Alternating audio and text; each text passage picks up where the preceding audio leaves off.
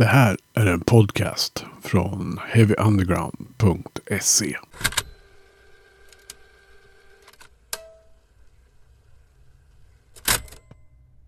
Vi kan väl rulla igång. Det är bara att tuta. Ja, Per Nordmark, eh, välkommen till Heavy Undergrounds podcast. Tack så hemskt mycket, tack. Känd från band som Fireside Breach, Kriget, Hidden Track och så har du spelat med Christian Kjellvander och Britta Persson. Och, ja, du är, har ju hållit på en hel del genom åren. Ja, men fan, jag tror jag räknar ihop det. Jag tror jag har spelat in 40 album. Det är liksom helt absurt. Alla är inte bra, men de flesta är väldigt bra. Ja, dessutom ägare av Nordmark Podd. Mm, precis. Ja, så det är ju kul att få prata med en poddkollega också här. Ja, verkligen. Ja, det är fantastiskt. Hur många- Du är uppe också i jävligt många avsnitt nu. Ja, gud ja. Jag har löst, tappat räkningen. Jag har ju gjort Ja, den här. leder, du leder över mig, tror jag. Du, jag, du är väl liksom, är inte, är inte uppe i 500 eller någonting. Det är jag säkert. Ja. Jag har Herregud, tycker ju... jag. Ja, jag, står på min på varje gång jag laddar upp, så därför vet jag hur många det är. Men jag tror att jag är inne på 320 någonsin. Mm. Jag tror jag, brukar du få den här frågan och folk bara säger, Åh, jag skulle också vilja starta en podcast. Jag bara, fan vad kul, gör det. Men vi hörs om 20 avsnitt. ja, Om du fortfarande tycker det är kul efter 20 år kan vi snacka. ja, det är väl ungefär så. Mm. Ja, nej, jag tror jag har, har ju hållit på med podd sedan 2014. Så, Ja jävlar, det är ju fan första vågen alltså. ja. Jag gjorde om ett gammalt närradioprogram som jag hade till en podcast. Så Mm. att, eh, jo, nej, men det har ju blivit en del. Jag tror jag tappade räkningen någonstans där runt 300. Sen så orkade jag inte Mm. räkna det mer. Så, ja, men det, vi kanske kommer in på, på det också så småningom. Vi ska prata lite om musikern Per Nordmark tänker jag. Mm.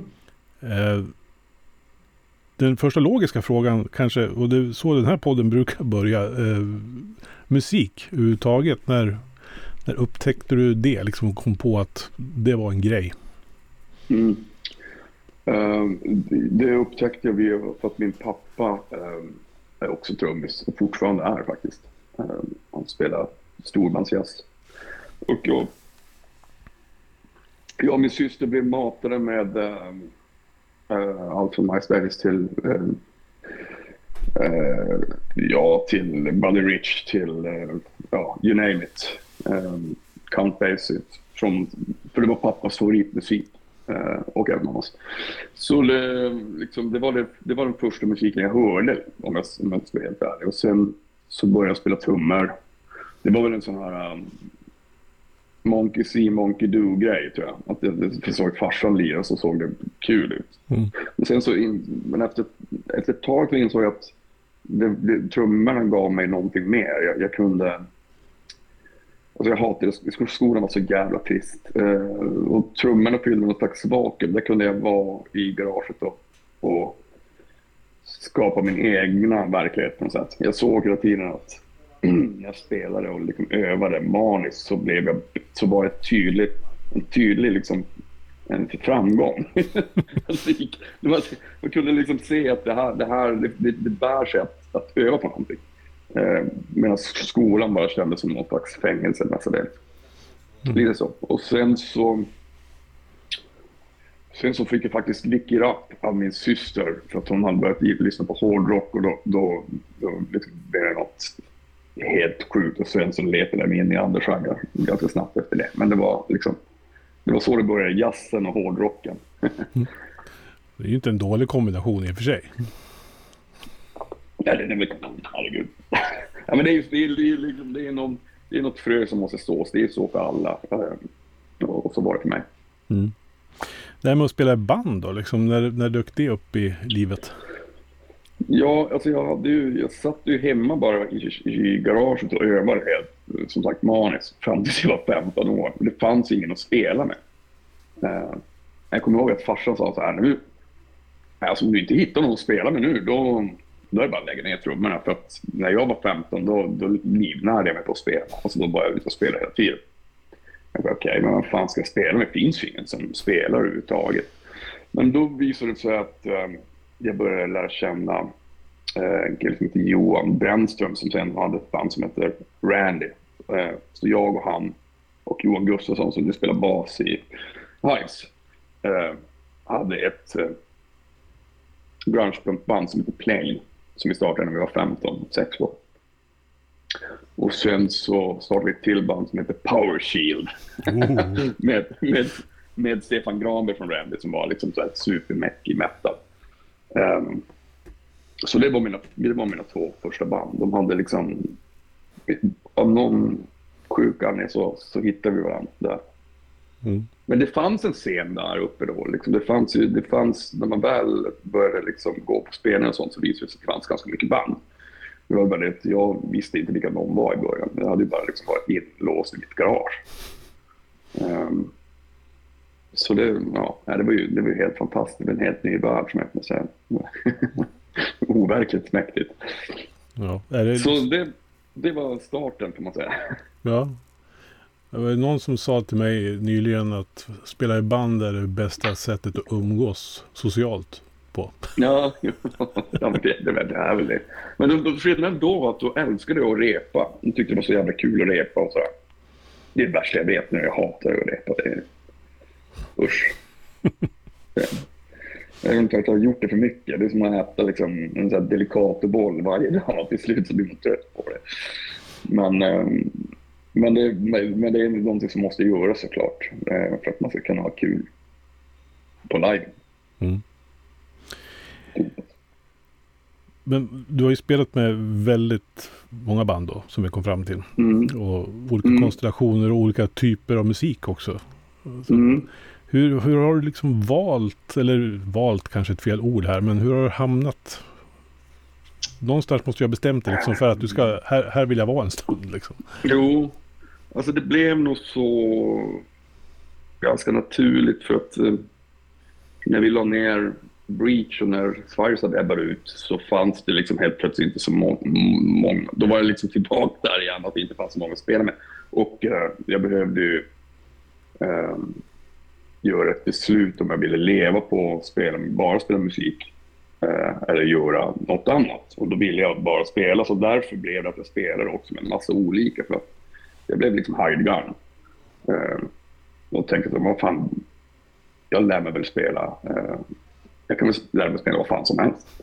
Um, så lite så faktiskt. Det, det, var, det var också bara liksom en, en slump, och, eh, men även en liten slump. Men att jag, att jag kände att jag, jag vill ändå hålla på med musik. Det, det finns, eh, jag kan bryta byta mig till olika genrer. Det spelar inte så stor roll. Men det måste ju vara någonting som jag, som jag gillar såklart. Och, och sen har, har, man ju, jag har ju varit med i vissa grejer som kanske inte är min favoritmusik. Men, men, men, eh, men, eh, men allt är ju lärorikt. Sådär. Och nu gör jag väldigt sällan det. Nu, nu spelar jag ju bara i princip med Kjellvander. Om det inte är mitt, eller och kriget. Och familjen mitt tror jag. Eh, Men, eh, men vi är så nära polare så det är liksom en... Det känns som att åka på semester lite grann. Hur träffades ni två då? Du och Christian? Jag och Christian. Ja. Vi träffades, um, vi, de gjorde, vi spelade med Fireside eh, i Lund tror jag. Och då spelade hans första band, alltså hans band Blue Scope spelade innan oss. Alltså vi var ju så, vi var ju, jag var väl typ 19 bast och han med, vi var ju skitsmå. Um, och, och sen dess så liksom hade vi haft kontakten och um, när han spelade, skulle spela in sin första album så ringde han mig och sa vad fan jag jag tycker du spelar så jävla bra. Ska inte du, ska inte du vilja testa att vara med? Ja, absolut. Och nu är vi där, nio skivor senare. och vi ska faktiskt spela in en tionde nu snart. Sen får jag se om jag menar med Nej, jag skojar. Men det, det, är- det, det är svin. Det är jätteroligt. Det, det, det är kul. Ja. Eh, Jag tänkte på det, alltså. Som jag sa, du spelar ju mycket olika typer av musik har gjort genom åren. Eh, vad skulle du säga, liksom, hur har du upptäckt olika typer av musik? Och hur har det inspirerat dig? Ja, alltså jag har ju... Jag har nog upptäckt mest musik via när jag har turnerat tror jag. Eh, för att det har jag gjort i exakt hela mitt liv. Jag har haft privilegiet att kunna göra det över hela världen. Så jag tror att det har varit liksom en, en, eh, eh, en nyfikenhet såklart för att få höra på... Jag gillar ju all musik som är bra, det spelar ingen roll. Jag lyssnar liksom nu, när jag lyssnar kanske mest på, och så helt ärligt, på typ klassisk musik. För det är något som jag inte... Det är så långt bort från det jag själv gör. Och det, blir, det fungerar som någon slags bekväm, bra musak för mig. Alltså jag sitter och jobbar med musik varje dag i studion, så när jag kommer hem så... Jag har, jag har inte samma hunger på att behöva lyssna på nytt längre som jag hade när jag var yngre. Mm. Uh, så nu har jag liksom blivit den här gubben som tycker att det är underbart att lyssna på gamla svingamla inspelningar som jag inte brydde mig om förr. Men det, det, känns på något sätt nästan modernare nu. Jag vet inte vad det beror på liksom, riktigt. Men, men jag tror, jag tror att det, det har nog bara alltså själva kärleken till musik och eh, försöka hitta det som jag tycker är bra eh, inom, inom det mesta. Sen finns det ju genrer som jag inte tycker är bra. Men, men, men eh, men eh, det, det kommer ju, till slut handlar det bara om frekvenser och är det lirare så spelar det inte så stor roll vad det är. Ett bra riff är alltid ett bra riff oavsett vilket instrument. det, är, det är ju det. Ja. ja. Det här med att spela in musik, alltså var det, det liksom i samband med att du bestämde dig för att du skulle leva på musiken som du slog dig in på den banan också då? Alltså, var studion Ja, det var det nog tror jag. Det var, och det var ju sen därför jag slutade med det. För att jag, jag kom till en punkt där jag var med på en massa grejer som jag inte tyckte eh, inte, eh, inte gav mig någonting, men jag tyckte inte om musiken och det blev bara liksom ett, ett jobb. Eh, det låter ju väldigt förmätet och bortskämt, men, men jag, jag började tycka att det inte var kul att spela live längre. Och live har för mig varit det um, som har varit någonstans kanske det mest självklara och viktiga viktiga. Eh, om, om, man går upp på en scen och så känner man ingenting, då vet man att något är fel. Ja. Man, när liksom börjar man liksom utveckla något slags psykopatiskt beteende. Det känns bara, jag känner ingenting. Eh, jag, liksom, jag bryr mig inte om det. Och då, då, då, tror jag det, det tror jag är farligt. Då, då tar man inte liksom, sin uppgift eller sin konst på det allvar som den förtjänar. Eh, lite så. Men du, du har ju då en eh, skiva ute nu. Eh, The Building. Mm. Den andra soloskivan då. Mm. Eh, hur skulle du säga att, liksom, vad har du gjort för resa? Det var 2019 den förra kom. Ja, ja, precis. 19 kom. Nej, 20 kom, kom mitt under pandemin. Det var en, ja. det första, Började mål var liksom en skiva som hade liksom tog fart under pandemin. För att liksom, jag var hela tiden i studion ändå. Men det var också väldigt mycket gamla låtar som jag tänkte, men det här ska bli... Fan, jag, jag gör liksom en... Jag gör något av det här. Uh, det, det, fanns inte någon direkt liksom, idé med den skivan, förutom att vissa låtar jag älskar fortfarande. Men, men The Building, när jag började på The Building så, så hade jag en tydlig idé om att jag ville göra ett konceptalbum som handlade om, som, som fick vara en resa. Uh, jag gillar ju text väldigt mycket själv och liksom läsa, om man, om man lyssnar på skiva igenom och läsa att det finns någon röd känsla som gör att man tar sig någonstans. Uh, tycker jag är... Uh, det är så jävla viktigt för mig när jag lyssnar på musik. Det, må, det, det, det måste, det måste vara någonting som sägs. Uh, inte per automatik så, men, men då blir jag mest berörd själv om det finns någonting lite mer än bakom, bakom frekvenserna. Om man lyckas få in något vettigt i de här orden. um, så den, den, eh, ja, den är mer, den är, the building är liksom otroligt komprimerad. Det, det, ett, jag skulle vilja säga att det är eh, väldigt hårt jobb under tre, en tre, dryga tre månaders period där den skrevs. Mm. Um, och jag gillar att ha det så. Jag, jag, jag tycker liksom att när man går in i någonting um, och så gör man det klart och sen så Sen är det vad det är. Och när det är klart så är det klart och då, då, då får det inte vara att peta i det. Liksom. För att det, det behöver inte betyda att det blir bättre. Det, är liksom, det kan bli bättre. Och man, ska, man gör ju sitt yttersta för att det ska bli så bra som möjligt. Men det finns något kokett i att tro att en låt är viktigare än vilken annan och att man aldrig kan göra en ny låt. Det är bara att göra en ny låt. Mm. Uh, men, men med det sagt så, är, så tar jag det på fullaste allvar. Så det är bara, och så har nu var det klart. Uh, så funkar det inte. Så det, det, är liksom, det är idogt, koncentrerat och väldigt uh, seriöst arbete, måste jag säga. Mm. Men, men tid tid och takt för mig under tiden jag gör någonting är väldigt viktigt. För om jag halkar ur det, då börjar jag tycka att allt är värdelöst. Och då vill jag bara, då, då haltar projektet. Jag tror att när man, när man har hållit på med musik så jävla länge och så gör man en ny skiva så finns det ju allt, alltså om man zoomar ut för det bara men herregud, vem fan ska lyssna på det här? Eller vad, vad, är, vad är det här ens för någonting? Och då måste man hitta tillbaka till den där känslan när man började skriva. När man bara fan, det här, det här, jag gillar det här. Det här känns... Det här eh, makes sense. Det ger mig lite... Eh, det här känns bra liksom. Mm. Då får man gå på den känslan, för den känslan utarmas efter ett tag när man har suttit med ett projekt för länge. Man bara, Alltså, då börjar man ifrågasätta allt, hela sin existens till slut. Vad fan är det här? Um, men det är, väl det, som är, det är väl det som hela poängen med att ha det som ett projekt också. Liksom att det är en start jo. och ett slut lite grann. Ja, lite, lite grann så. Och jag gillar att göra klart saker. Jag, jag, jag gillar inte att ha saker som ligger i, på hårddiskar och väntas på att göra klart. Um, det är mycket roligare att göra klart och så går man vidare till nästa. Mm. Du skrev du till mig, jag tror vi hade lite kontakt när du släppte skivan. Och då skrev du att det hade varit ett jäkla jobb att göra den här plattan. Ja, på absolut. Ja, men, nej, men det är det jag menar på det sättet att det, är, att det är väldigt seriöst. Det är ingenting som tas med en klackspark. Det, eh, jag vet ju vad, vad jag vill ha ut av det. Och ibland är ju det frustrerande för man hamnar inte direkt där. Nej. Ibland. Det, det finns många kedjor som kan gå fel. Eh, allt ifrån text till vokaler till ja, bara få ihop låten och framförallt när man gör det mesta själv. Nu skriver jag också tillsammans med en kille som heter Patrik Alvarsson som, som är min lite, han är lite av en musikaliska kiropraktiker kan jag säga. Jag, jag skickar ibland till honom. Gör en, lägg en till synt på det här eller kom på eller en, en körmelodi eller någonting och då, då löser han upp de knutarna. Det, det, är, det är väldigt kul. Han är, han är otrolig.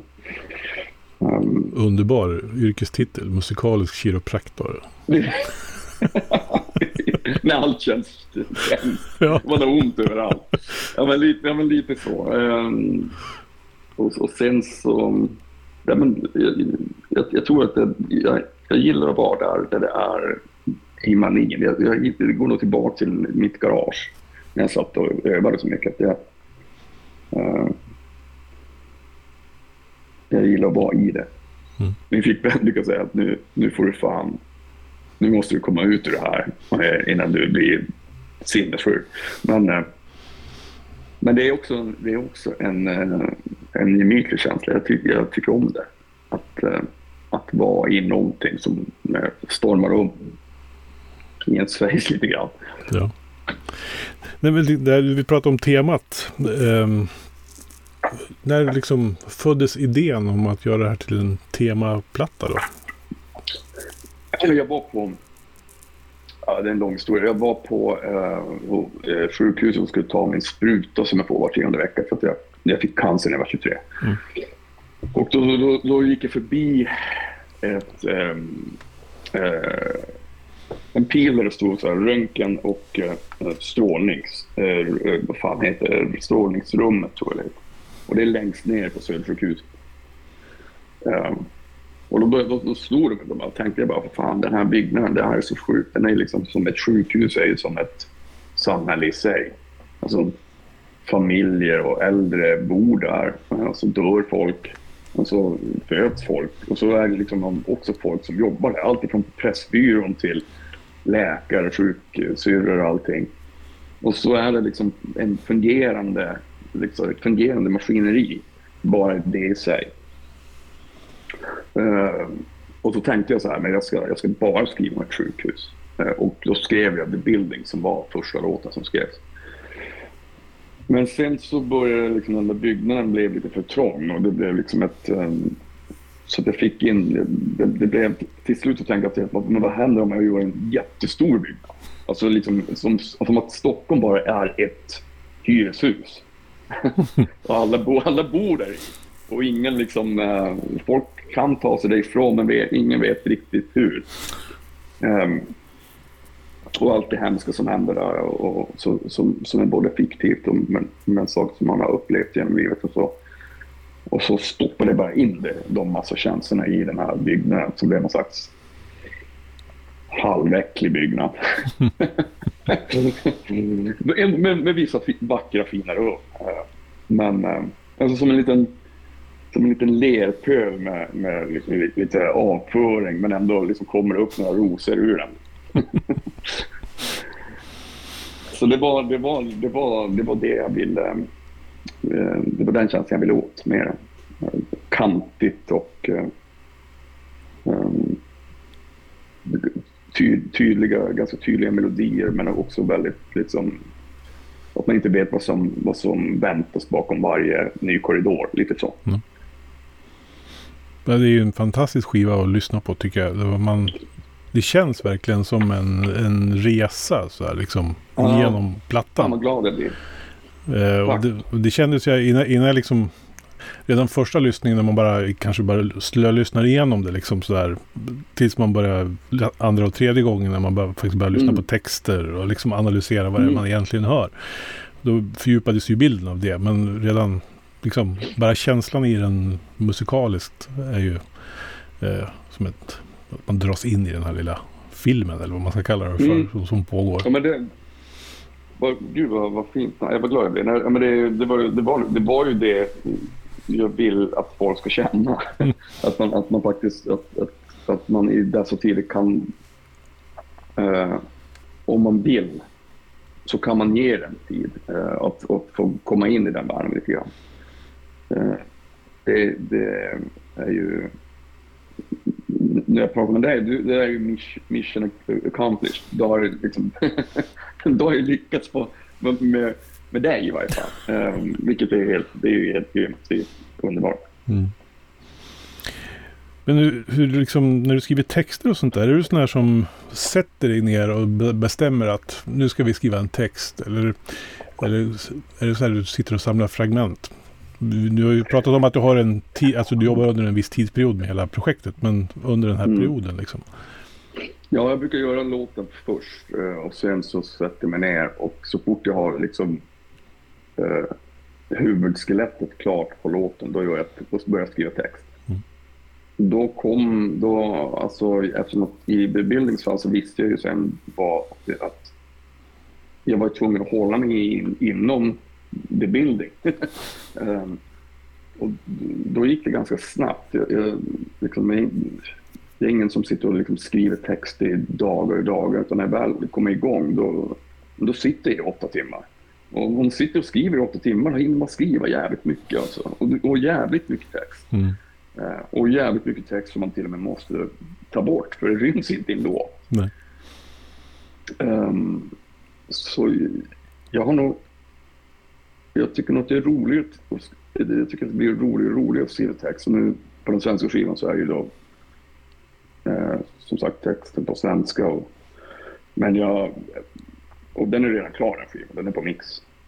Så jag har börjat med ett nytt projekt med Folke Nikola som är min gamla barndomskompis. Så vi håller på att skriva en skiva om de sista bödlarna i Norrbotten. Mm.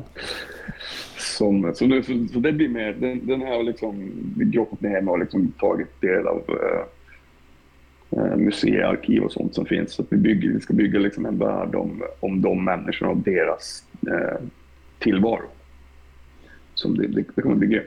Mm. Men då blir det mer liksom, kanske längre, längre texter och sådär. Men jag, jag, jag sätter mig ner och så och så får jag sitta tills det kommer ord helt enkelt. Det, det, det finns ingen genväg. Det, det är fruktansvärt ibland. Och, och så när det är klart så känns det bara så här. Ja, fan, det blev ju bra. Vad fan vad skönt. Men det är, det är inte så att det alltid blir bra. Ibland blir det ju värdelöst. Men då får man ju försöka det, det, måste ju också passa, det, det är flummigt det där. Alla, alla som skriver text och musik gör det på olika sätt. En del sjunger bara fejkord och, så, och sen så blir texterna, så tar musiken dem in till någonting. Jag gillar att ha en idé om vad jag ska skriva. Mm. För um, då, då kan jag ha det i åtanke också när jag, när jag gör musiken lite grann. Men de går hand i hand. Det är liksom, ibland, ibland kommer, men oftast kommer musiken först. Nio fall av tio skulle jag vilja säga. Jag tänker ändå om du ska skriva temaplatta som The Building så måste man ändå göra någon form av skelett. Liksom av, Ja. Alltså vad, vad som ska med och liksom i, Ja, men, i någon sorts det. berättelse. Ja, men visst är det så. Jag, jag tror att det är en del av den här manin som kanske inte alla andra och runt omkring uppskattar så mycket. Man går, man går omkring och, och, och funderar på... Och så, ja, just det, det, det ska man göra med. Och så, eh, men eh, ja, det, det är komplext, men alla har, alla har sitt, sina sätt. Och det är nog, jag gillar någonstans att vara i, någon, i, i kaoset när det skrivs. För att då, är jag som mest skärpt. Mm. Om jag lämnar låten för länge så har jag ingen text. Alltså då, då, det, det, liksom, om, jag vet, om jag vet att det inte är en instrumentallåt då måste texten skrivas ungefär liksom, åtminstone dagen efter låten är klar. För annars, annars blir jag haunted. Usch vad hemskt. Ja, men vad, vad, vad, har du- vad har du hittat? Ska man säga, har du några egna så här, favorittextförfattare som du liksom som, som har inspirerat eh, dig liksom till att bli textförfattare? Nej, inte alls. Alltså, jag har läst Nej. mycket böcker, men inte text. Ja, det, är- alltså, det är klass, Nick Cave som är helt fantastiska. Eh, men jag menar, det finns vissa Marduk-fraser som man läst ibland som jag tycker är bra. Alltså det kan vara något som är helt långt ifrån det jag själv gör. Mm. Eh, eh, bara för att man ska på... Som texten han, landar rätt i, i, i, i musiken så har det inte heller så stor betydelse vilken sorts musik det är. Nej. Men eh, jag skulle alltså, ja, Cormac McCarthy. Eh, även när jag var liten läste jag svinmycket Stephen King. Det är fortfarande skitbra tycker jag. Eh, det kan vara vad som helst. Det kan vara Boje till, eh, ja, alltså precis vad som helst. Ja. Så, länge, så länge man, om, om, man, om man är så här, åh, det här, jag vet inte hur det är för det, men om man läser en bok och så liksom fångar den inte mig ganska snabbt, då läser jag inte klart den. Då tappar jag liksom, och jag orkar inte läsa det, så det måste, det måste vara någonting som fångar en eh, sådär. Men jag, jag, jag har ju liksom inte sett mig själv som textförfattare förrän liksom ganska nyligt, nyligt så att jag, jag, jag tänker att jag skriver, jag försöker skriva så, så rått och så ärligt det går. Men, men med det sagt så finns det en massa eh, fiktiva, jag gillar att hitta på grejer. Um, om, jag, om jag bara bölar om mig själv hela tiden då, då eh, eh jag vet inte, det känns, det känns eh, det finns något eh, narcissistiskt i det också. Jag vet inte. Jag gillar själv texter där, där man får fundera lite själv. Eh, även om jag vet att den här texten kanske handlar om den här, om narrativet är den här artisten. Eller är det det? Då vet man och det, det, det är nästan fetare tycker jag. Mm. Sen så ska du ju framföra de här texterna också. Jag tänker det här med att ställa sig på en scen och sjunga. Ja, jag kom, ah, fy fan. Ja, nu, har nu har ju KBT haft 30 gig drygt. Så att, um, nu, nu har jag ju gjort mer livespelningar än många svenska artister gör på ett helt album. Så jag, um, jag tycker inte att det är läskigt, jag tycker det är svinkul. Mm. Men jag kommer ihåg första spelningen. Det var på ett slutsålt Rockefeller i Oslo. Uh, och då trodde jag fan, eh, förband till Jonossi, och då trodde jag, då trodde jag fan att jag skulle, att jag skulle dö alltså. jag, kom, jag tänkte, jag, jag kommer inte ihåg en enda textrad. Jag liksom, det, det är någonting som själv är det värsta jag vet, om jag går och kollar på band eller artister så kan de inte texten, för jag, jag blir liksom råförbannad då. Jag, jag tycker liksom att då har man inte gjort sin läxa, det är, det är inte kärnfysik att läsa en text, det är bara att banka in den. Um, men det, då, då tänkte jag så här, jag, jag tar tillbaka allt jag någonsin har tänkt om att, att folk ska skärpa sig. Så här, för jag, bara, jag, jag kommer inte komma ihåg en enda text. Eh, Det gjorde jag. Och så gick det gudskelov bra. Hade jag inte gjort det då hade jag bara hoppat av turnén tror jag. Ehm, men, det, men det gick jävligt bra och då rätade jag mig på lite grann. Och sen liksom, ju mer jag gjorde så mer gillade jag det. Jag tycker det är svinkul. Mm. Asroligt. Jag tänkte bara hitta en röst också, alltså själva, alltså att sjunga. Det är ju... Jo, ja, första gången då kom jag, jag kommer ihåg att vi hade gjort första soundcheck och det är Frans min, eh, min, mina skivor som är live-tekniker. Så sa jag bara, jag hade ju övat som fan i studion. Jag bara, det här är ju dumt som jag kan allt. Han bara, du, det låter så bra det här. Jag bara, va? Vad menar du? Vadå det låter inte bra? Han bara, alltså, du, du är så jävla, du är alldeles för mickrädd liksom. Du sjunger för svagt. Det är liksom inte studion där när du kan ha liksom, eh, det måste ju nå ut live. Det var ju en jävla kalldusch för det var ju dagen innan Rockefeller då. Och sen så gjorde, men då gjorde vi soundcheck på Rockefeller och så kändes det bra. Så, såklart som med allt annat så måste man göra det flera gånger. Man måste ju liksom göra några gig som är helt sämst eh, och räta på sig och gå vidare. Men om man är om man tänker att man kan klara det och så försöker man se till att ha så kul man kan och vara så förberedd man kan. Eh, då brukar det bli bra. Och, eller framförallt om man, om man gör sitt yttersta. Mm. Man har sagt så här, fan idag gick det inte så bra, men jag gjorde fan mitt bästa. Men ja, det, det kom en meteor genom taket eller någonting eller något annat som gjorde att spelningen blev inställd som inte kan vara över. Men om man, om man bara liksom ger sig här och gör sitt yttersta då, då kan man ändå vara ganska rakryggad. Sen, sen kan man inte kräva att alla ska gilla det såklart. Men, men vad kommer du att ta med dig då? Alltså till nästa gång du ska spela in någonting och från det du har lärt dig på scen nu då, 30 gig senare? Mm, ja. Nej, men ja, nu, nu känns det som att jag har hittat liksom en, eh, eh några världar som jag kommer att gilla att cirkul, cir, vad heter, cirkulera kring. Mm. Den, den, svenska skivan är om, om The Building är Metallica så den svenska skivan Leonard Cohen. den är lite som, det, hälften av låten är det inga trummor på. Uh, så den är, det finns några lite stökiga också, men den är, den är lite poppigare men det finns, den är poppigare men mörkare på ett sätt och det finns likheter men ändå, ändå är det liksom åt ett annat håll. Men jag kommer säkert vilja göra någon liknande bildning igen sen. Jag tyckte det var, jag gillar den världen. Den har något som jag kan stanna i. Ja, jag måste ju återigen bara säga att soundet och liksom sättet du har blandat ja, genre kan man väl kalla det för. Men liksom det är ju allt från gitarrrock liksom till mm. elektronisk till jag vet inte vad det är. Liksom. Mm. Det, hade, det var det som var så roligt när jag lyssnade på den första gången också. Att man försökte få huvudet runt det här. Liksom, vad, vad är mm. det för sorts djur liksom? Men det är väl det vi, vi pratade om mm. förut där. Att man mm. kan gilla olika sorts musik för olika jo, saker. Alltså det, jag, när jag, när jag, jag, jag, jag, vet inte, det är för att man har huvudet så långt upp i sin egen röv där kanske. Att jag, har ju all, jag spelar in allting i min studio. Eh, och där har jag ju de syntarna eh, och de gitarrerna som jag gillar att använda. Eh, de trummaskinerna. Och eh, i och för sig så spelar vi in trummorna i Gröndal. Men eh,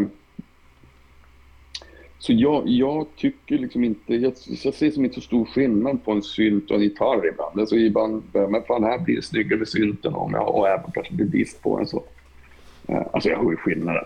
men men jag, jag, tycker inte att det är någon större grej för jag, jag ser inte, eftersom att det är ett soloprojekt så ser jag det inte heller som en, det är inte ett rockband. Uh, utan den, är, den kan vara lite var som. Uh, jag tycker att stämningen är det som förenar och gör den homogen. Ehm, då spelar det inte så stor roll vad, vad instrumenteringen är. Jag ser det mer som energier. Liksom. Det, det, är lite, det, det, är nästan, det är nästan slumpaktigt ibland vad det blir för instrument. Man sitter och spelar ut. ah, fan, det, ah, jag måste testa synten här. Ah, det blev en, blev en 5D6 istället, eh, istället för gitarr. Eller. Det, det, det är väl det som är lite av grejen. Tills jag ganska snabbt märker att nu, här ska jag vara. Mm. Ja, det är coolt. Uh... Ett, ett konstigt djur. Ja, fast det är ett, fin, ett fint djur. Jag tänkte, du, du sitter ju i din podd och intervjuar andra artister och kreativa människor och sånt där. Hur, hur har det påverkat dig som person att liksom få, få, göra det och få bolla tankar om sånt här? Nej, jag tycker det, jag, jag är jättestolt över det. Jag tycker det är helt underbart. Alltså rent egoistiskt sett så har man ju gratis terapi. och sen så är det ju fantastiskt att möta folk som inte gör samma sak som en själv, vare sig de, om det då är musik eller om det är ja, fotografi eller käk, alltså om man är kock eller uh, skådis eller whatever. Så är ju kreativitet är någonting som är så, det är så brett. Eh, De flesta människor som håller på med det har ju, liksom, har ju någonting gemensamt. Jag tror, att, jag tror att exakt alla kan hitta det. Det handlar bara om um, en form av envishet kanske, men också att um, ja, att vara någon, något av en sökare på, ett sätt. Lite grann. Um, men jag, jag, jag, jag är i den åsikten att jag tror att alla kan lära sig precis vad som helst. Men vissa kanske har lite lättare för att lära sig. Mm. Om du har lite svårare för att lära någonting om du kommer till musik, då kanske du måste vara ännu mer eh, köra huvudet i väggen.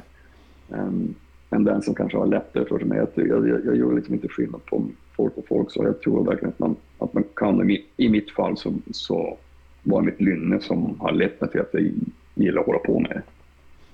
Uh, det hade kunnat vara, det, det, det är ju också bara tur tyvärr.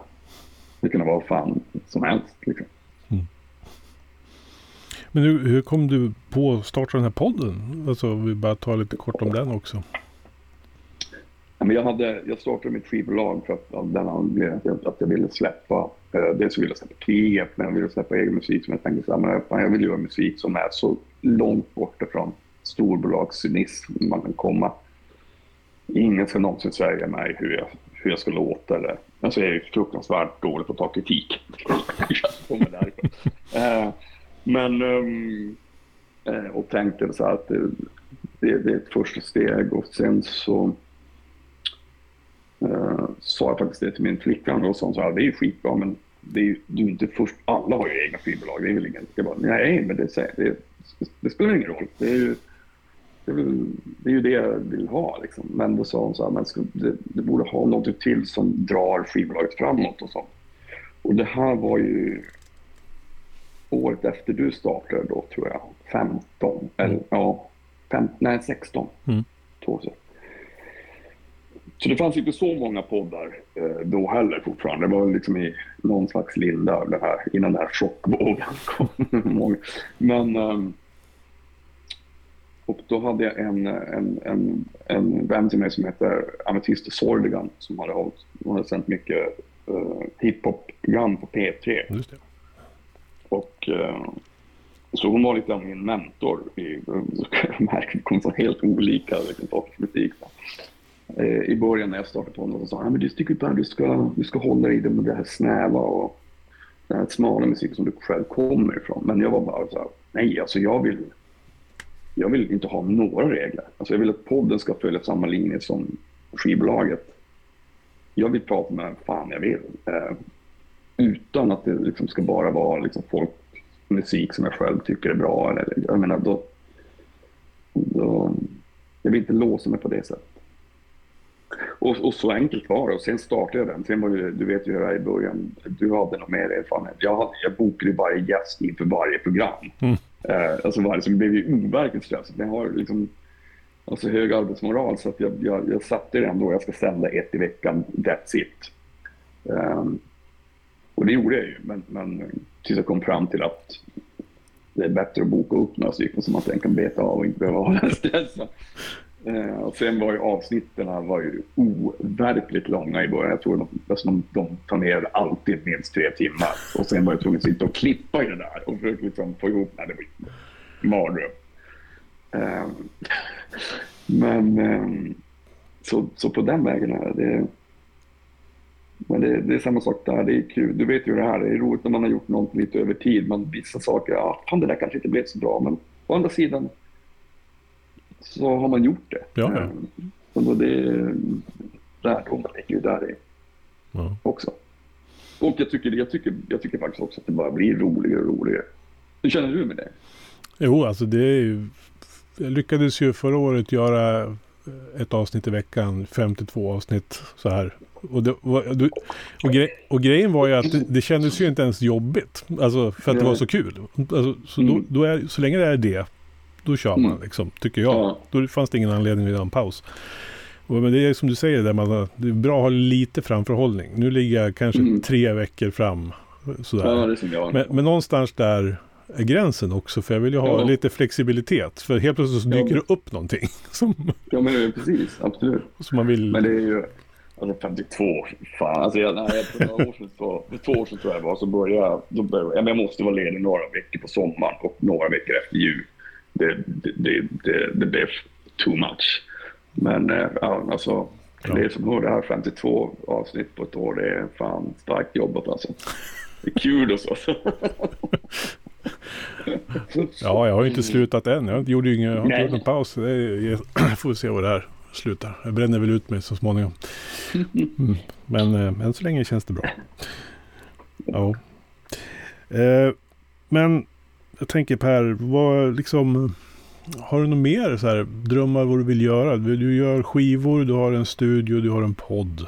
Och så här, vad är, liksom, har du, vad är, vad är next level Per Nordmark? Alltså, jag, vill, jag ville ju bli astronaut när jag var liten. Det har jag ju insett att det kommer jag inte bli. Uh, nej, men jag, jag, vill, jag, jag tycker liksom att jag precis har börjat. Alltså, framförallt när det kommer till att släppa min egen och skriva min egen, egen musik. Jag, jag, det vill jag hålla på med. Eh, men sen, så, sen så kommer det liksom ibland grejer på vägen som man, som man vill liksom nappa på. Sådär. Så att det, jag vet inte, jag, alltså, musik är ju mitt, det är ju det jag gör eh, och det vill jag göra. Vilka, vilka former det får, det, det vet jag inte i längden. Men, men som det är nu så tycker jag att det känns spännande och, och jag tycker podden är eh, ett, ett viktigt ankare i allt det där. Men eh, jag tänker, jag tänk, det är som en jävla Eh, Jag vet inte, jag är som en raccoon ibland. Eller en jävla fisk. Jag, jag, jag, jag tänker inte liksom så. Jag, jag, har aldrig tänkt, jag har aldrig tänkt framåt oavs- någon, någonsin i hela mitt liv. Jag har bara tänkt liksom att nu, nu kör jag. Eh, men, men med det sagt så har jag alltid primärat att försöka ha så kul jag kan med det jag gör. Och när jag inte tycker det är kul, då lägger jag ner. Men, eh, men jag är liksom inte jag byter ju inte häst ofta. Jag vet ju att det kommer tillfällen ibland när man bara fan, nu känns det lite tungt. Men om man känner så här, men nu, I'm done. Då, om, då får man lyssna på magkänslan. Då får man göra något annat. Mm. Hade det varit liksom så att jag hade liksom tänkt så här, åh, att jag hade haft klara femårsplaner med det yrket jag har haft hela tiden, då, då hade jag nog blivit knäpp tror jag. jag tror inte, det tror jag är väldigt svårt. Det, det är nog vissa som kan ha det, men för mig är det, det klarar inte mitt lynne. Jag, jag liksom måste på något sätt vara... Jag, jag brukar tänka två, två månader fram. Och så vet jag nu, nu, nu ska jag spela in, nu ska jag släppa nästa singel i maj. Då, då, då vet jag det, då jobbar jag mot det. Och sen så... Sen, sen vet man ju aldrig liksom. Nej. Ju så fan, vad som helst kan hända. Ja, det är kanske är bra att ha den liksom, vad säger jag, marginalen liksom. Två, tre månader. Ja, Det är perfekt marginal. hinner inte bli tråkigt innan det blir trist. Eh, nej. Nej, men jag, jag, jag tycker det är, alltså, så länge man känner att man utvecklas åt något håll och tycker att det är liksom, eh, att, att, att man är i tiden på något sätt med, med det man, alltså inte med det man gör så, men, men om man tar podden till exempel, så att mötet där känns som det viktiga, då, då kommer jag fortsätta med det. Och Jag tror att, och så, och så, så är det med musiken också verkligen, om, om jag känner att det här det här kostar mer än vad det ger, då, då, då kommer jag nog inte vilja göra det längre. Jag, jag, jag kommer inte liksom starta ett hobbyband bredvid och, uh, repa en dag i veckan och aldrig för att spela en gång per år. Det, det, det, kom, det kommer jag inte göra. Du Per, det har varit ett nöje att ha haft med dig i podden. Ja, detsamma, detsamma. Ja, men det var jättekul. Superroligt. Fan vad, mm. fan vad trevligt. Du har lyssnat på en podcast från heavyunderground.se. Jag som säger det heter Magnus Tannegren och är den som producerar och intervjuar i den här podcasten. Vill du veta mer om det här avsnittet eller om podcasten i allmänhet? Besök heavyunderground.se eller leta upp oss på de sociala kanalerna på Facebook och Instagram. Tack för att just du har lyssnat. Hey, I met you. You are not cool. I know. Even when I thought I was, I knew I wasn't. Because we are uncool. I'm glad you were home. I'm always home. I'm uncool. Me too. You're doing great. You know, the only true currency in this bankrupt world is what you share with someone else when you're on